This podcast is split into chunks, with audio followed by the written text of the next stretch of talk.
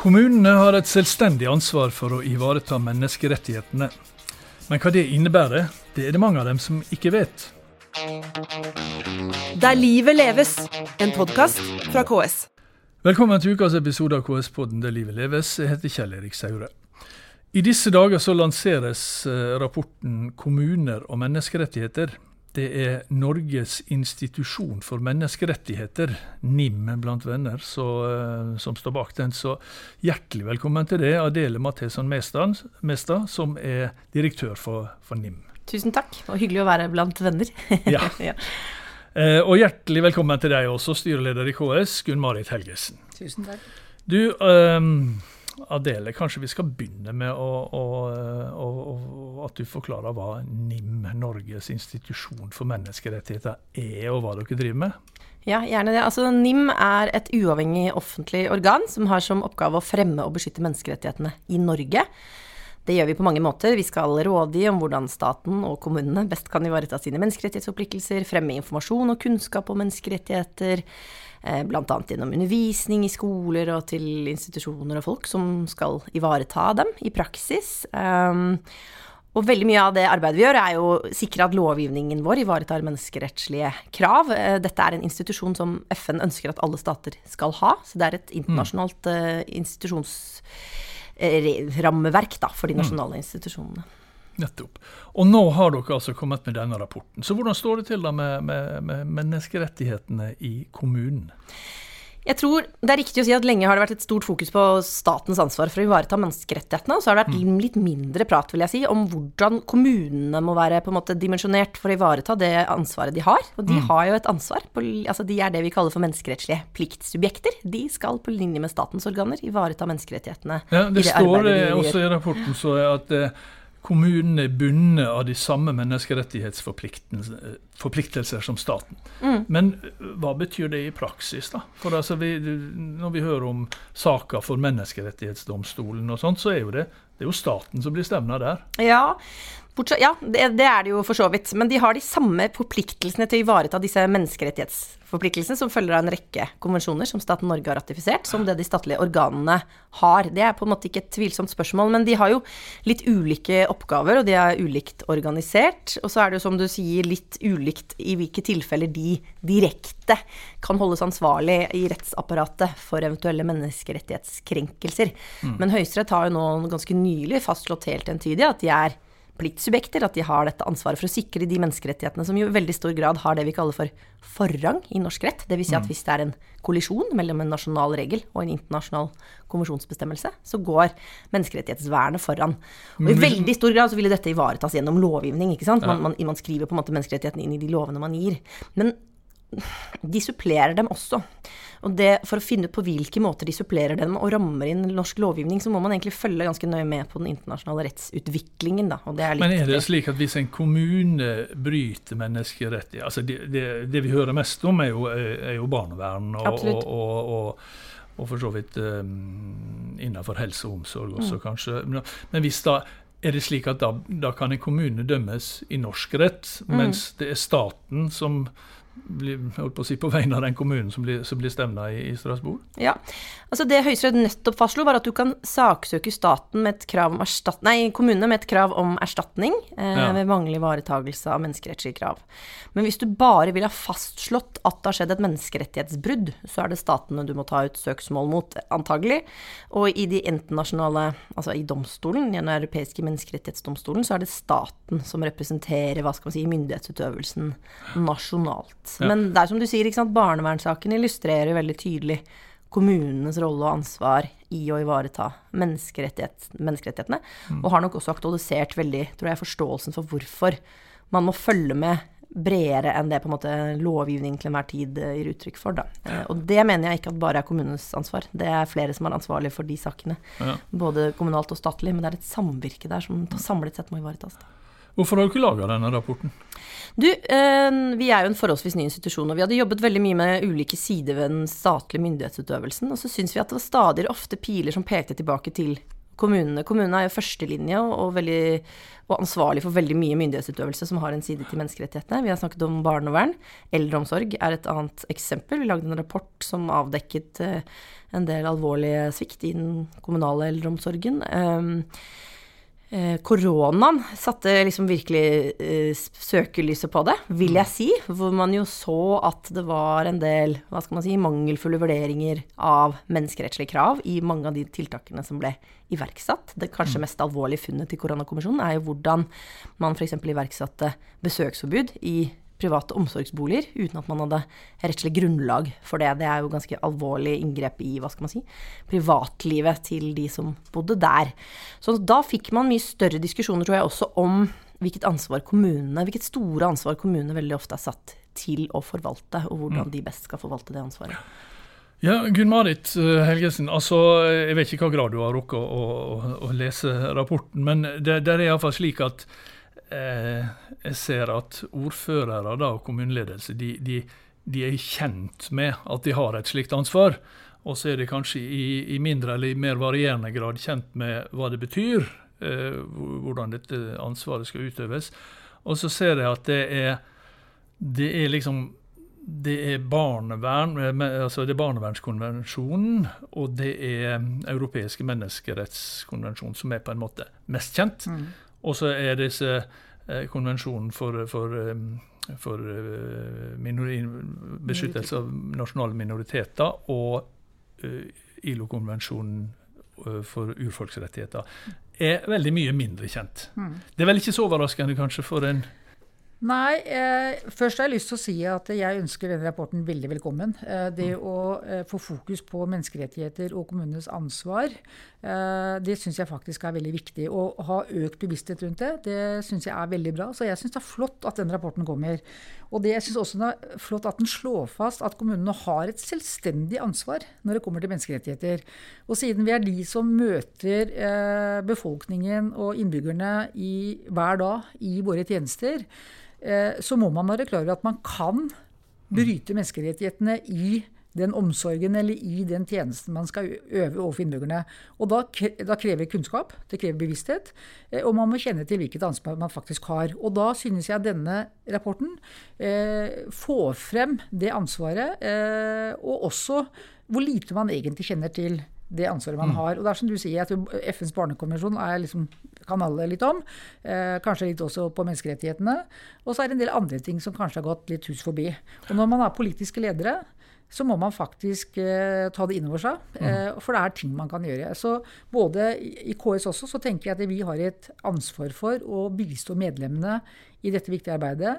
Eh, slik at de blir best mulig rusta til å håndtere det store ansvaret. Mm. Og så syns jeg vel det er litt kjedelig at Norge har såpass mange barnevernssaker i Strasbourg mm. som er med på å svekke omdømmet vårt. For vi har veldig høy standing på veldig mye rundt omkring i verden. Og så får du enkelte sånne barnevernssaker som svekker omdømmet vårt, og som kanskje kunne vært unngått hvis vi hadde hatt større kunnskap. Mm. Nei, jeg er glad for å høre dette. Så er det litt viktig å si at når vi lagde denne rapporten, så var det nettopp fordi vi opplevde at viljen og interessen for disse spørsmålene er veldig stor i norske kommuner. Altså jeg tror eh, altså 95 sier at de er klar over ansvar, men også et stort ønske om mer kunnskap, mm. mer kapasitet til å ivareta disse forpliktelsene. Så formålet vårt var egentlig å lage en litt sånn verktøykasserapport, da, hvor vi skriver oss gjennom det vi mener tross alt er det viktigste for å bidra til den kunnskapshevingen som mm. også igjen vil føre til en økt eh, bevissthet, for å kunne bidra til at kommunen jobber mer systemisk med mm. disse forpliktelsene. Og det, det er jo eh, forskjell ikke sant. Det er veldig stor forskjell på norske kommuner. Det er mm. store kommuner med store, store apparater og jurister og ikke sant. Og så er det noen bitte små kommuner. Men det som er, litt, som er en utfordring, er selvfølgelig at de, de, skal på en måte forvalte veldig mange Altså bredden i den myndighetsutøvelsen. Mm. De, de har den samme inngripende kompetansen til å f.eks. gå inn og hente et barn ut av en familie hvor barnet ikke har det bra, eller utøve tvang på et sykehjem overfor en dement uh, pasient. Mm. Og Uh, og, det, er jo liksom en, en, utfordring, da, tenker vi. Så vårt formål var ikke noe sånn peke, pekefinger, egentlig, men å forsøke å bidra med liksom en verktøykasse, egentlig, da, som mm. kanskje gjør det litt enklere. For Det som er litt spesielt med, med kommunene og, og, og, og menneskeretter, så er det liksom det er veldig ofte knytta til eh, egentlig utøvelse av hjelp. Mm. Altså av, eh, der man skal utvise omsorg. Mm. Og så blir man, så blir man plutselig menneskerettsbrytere i stedet. Det, det er ikke noe enkel Nei, situasjon. Og det er, jo, det er, jo, mye etikk her. Og, og vi har jo, vi har jo liksom etiske retningslinjer i nesten alle kommuner og fylker. Vi er opptatt av etikken. Eh, men det er mange dilemmaer. Eh, og det handler litt om som du sier, systematisk arbeid, opplæring og skolering, slik at man i hvert fall er klar over de dilemmaene og de overgrepene som man kan gjøre, ikke bevisst nødvendigvis, men som kan skje. Eh, og det som er interessant, da, siden jeg også sitter i eh, Europarådet, i Kongressen for lokale og regionale myndigheter, så er jo menneskerettigheter selvfølgelig en av våre kjerneoppgaver. Mm. Eh, og vi har laga fire håndbøker, vi om menneskerettigheter. vi kaller det sånn handbooks. bare, for jeg må huske Den ene er faktisk Den første handla da om ikke-diskriminering med særlig vekt på disse sårbare menneskene, som du nevnte innledningsvis. Flyktninger, asylsøkere, migranter, romfolk og reisende og LHBTI-personer. Og Det var rett og slett for å få bevisstheten opp hos lokale myndigheter. Og så er det sikkert andre land som kanskje trenger mer håndbok enn det vi trenger. For vi er jo forholdsvis gode på mye demokrati og den type arbeid i Norge. Men, men det viser bare at uh, disse håndbøkene er ek praktiske eksempler på hvordan man i kommunen skal få opp fokuset. Mm. Den andre boka, da ble det plutselig Eh, implementering av sosiale rettigheter.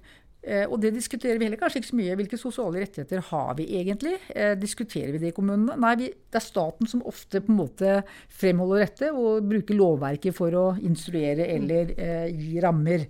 Den tredje boka eh, tok for seg klimaendringer. Det å grønngjøre eh, demokratiet.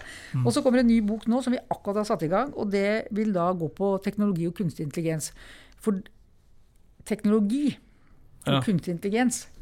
Det kan være overgrep. Da er det noen menneskerettsutfordringer, ja. antar jeg. Absolutt. Ja.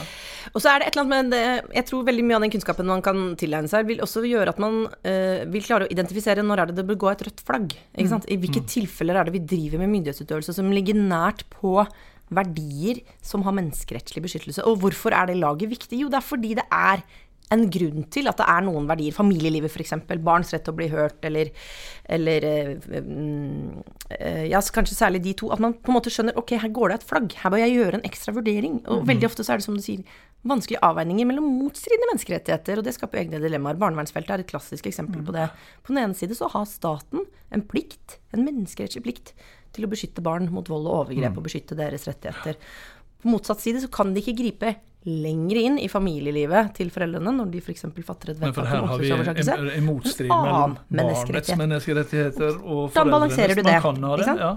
Og da har jo Den europeiske menneskerettighetsdomstolen gitt ganske sånn komplekse føringer for liksom krav til begrunnelser når man avveier disse. Hvordan vurderer man det man kaller for gjenforeningsmålsetningen når man fastsetter samvær etterkant av en omsorgsovertakelse.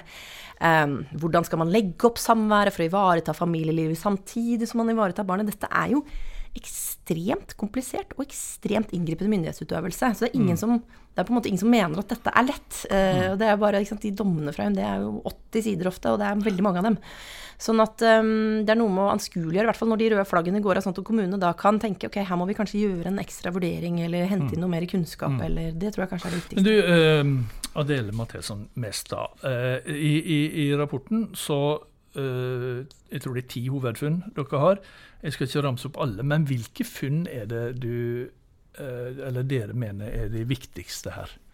Altså det, det, mest positive funnet er det vi nevnte i starten, at 95% av kommunene som svarer, sier at de er veldig innforstått med at de har det, dette ansvaret. Og det var mm. veldig positivt, for så vidt. Og det andre som jeg syns er Det er mange positive ting her. Det ene det er interessen for og viljen til å jobbe med disse spørsmålene. Men så er jo de negative funnene de heller ikke veldig overraskende, men viktig, tror jeg. At de som skorter på kapasitet, eh, penger, kompetanse, og ikke minst det der med å jobbe tverrfaglig, og det vil jeg kanskje trekke frem. Og det høres ut som en litt sånn kjedelig funn, kanskje, og det er veldig ofte et funn, tror jeg, når man snakker om myndighetsutøvelse. Men vi opererer i søyler og sektorer i måten vi driver med myndighetsutøvelse på. Og sånn må vi organisere oss. Men eh, menneskerettighetskravene, de bryr seg ikke så mye om de interne sektorene vi har laga etter oss. Et eksempel på det er staten har en menneskerettsforpliktelse til å beskytte barn mot vold og overgrep. Det er ganske kompliserte og komplekse forpliktelser staten har. Så da nytter ikke hvis skolemyndighetene gjør det de skal, og politiet gjør det de skal, hvis ikke de myndighetsorganene snakker godt sammen. Det kan være på tvers av kommunale sektorer, eller det kan være på kryss og tvers av statlige og kommunale sektorer at det ligger et helhetlig sikringsansvar for myndighetene som sådan. Og svikter det der, så spiller det ingen rolle at folk sitter og peker på hverandre. ikke sant? Da har det sviktet. Sånn at koordineringen er liksom et tredje moment som jeg syns er veldig viktig. og det finnes jo ingen kjappe løsninger på. Nei, Gunn Marit, eh, mangel på, på penger, kapasitet, kompetanse.